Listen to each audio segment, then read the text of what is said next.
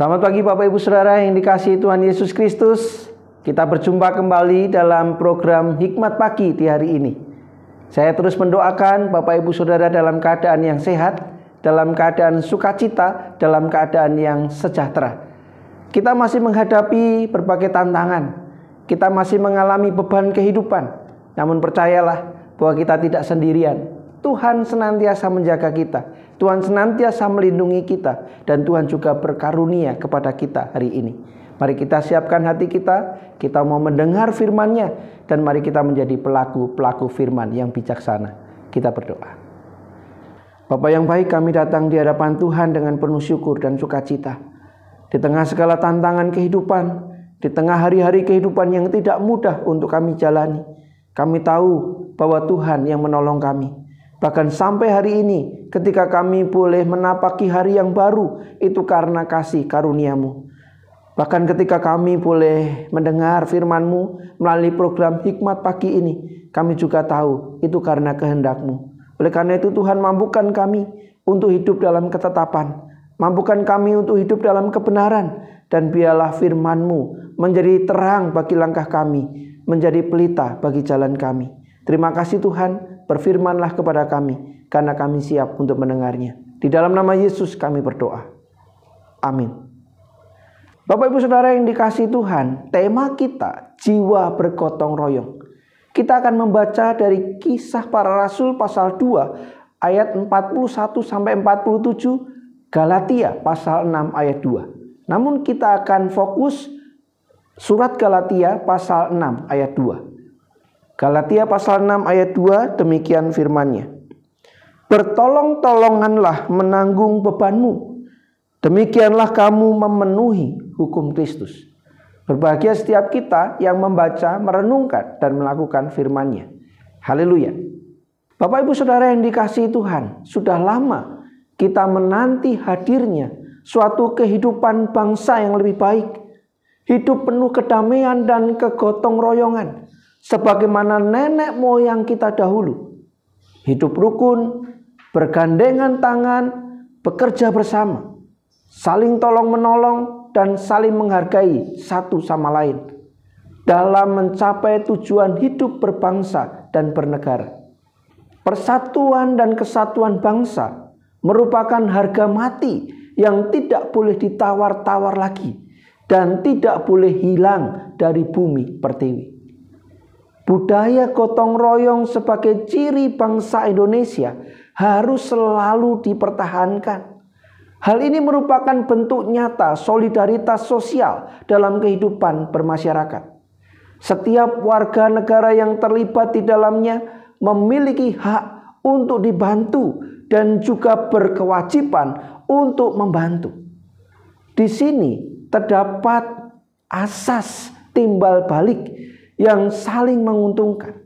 Sebenarnya hidup bergotong royong telah dipraktekkan oleh jemaat mula-mula kepada saudara seiman yang membutuhkan. Kita bisa membaca di kisah para rasul pasal 2 ayat 41 sampai 47. Mereka bersedia mengeluarkan harta mereka untuk membantu mereka yang berkekurangan sehingga tidak ada yang terlantar.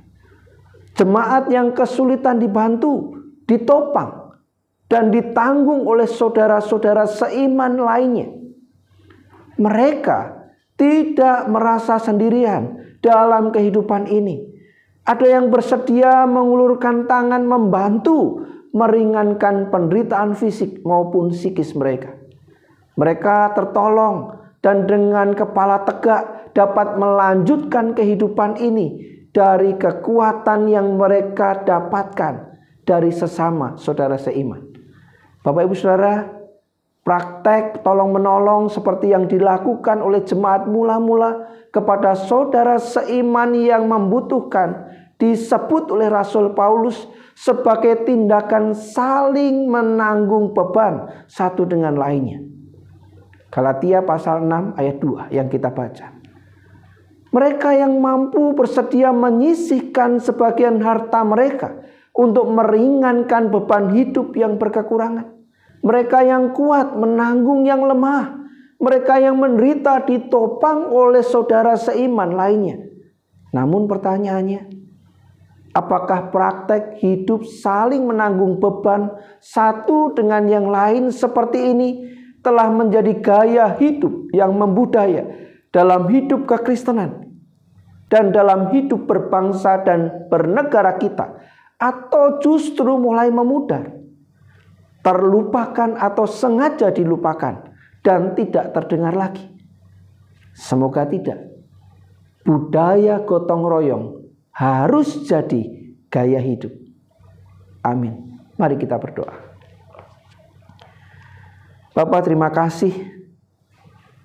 Engkau Tuhan yang membawa kami untuk peka dan peduli kepada orang lain. Engkau Tuhan yang penuh dengan belas kasihan. Dan itu tentunya menjadi ciri khas kami juga sebagai murid-murid Tuhan. Bahkan ketika kami hadir di bumi Indonesia, bumi yang ramah, warga negara yang saling menghormati, saling berbagi dan hidup dalam gotong royong. Namun memang nilai itu mulai memudar. Oleh karena itu Tuhan mampukan kami sebagai murid-muridmu untuk menjadi teladan dan terus membudayakan keramah tamahan dan kegotong royongan di mana pun kami ditempatkan.